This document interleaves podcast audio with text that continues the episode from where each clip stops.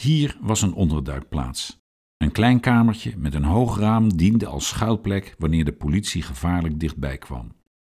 Joden die het verhaal dat het in Duitsland of Polen best mee zou vallen niet konden geloven en die nog een mogelijkheid zagen om te ontsnappen, zochten een schuilplaats bij niet-Joodse medeburgers en soms lukte dat. Later wilden veel niet-Joodse mannen die zich onttrokken aan de arbeidseinsatz, de gedwongen tewerkstelling in Duitsland, zich ook verbergen. Onderduiken voor de arbeidsinzet werd vanaf 1943 een massaal verschijnsel. Ook verzetsmensen die door de politie werden gezocht, kozen een schuiladres om van daaruit hun activiteiten voort te zetten.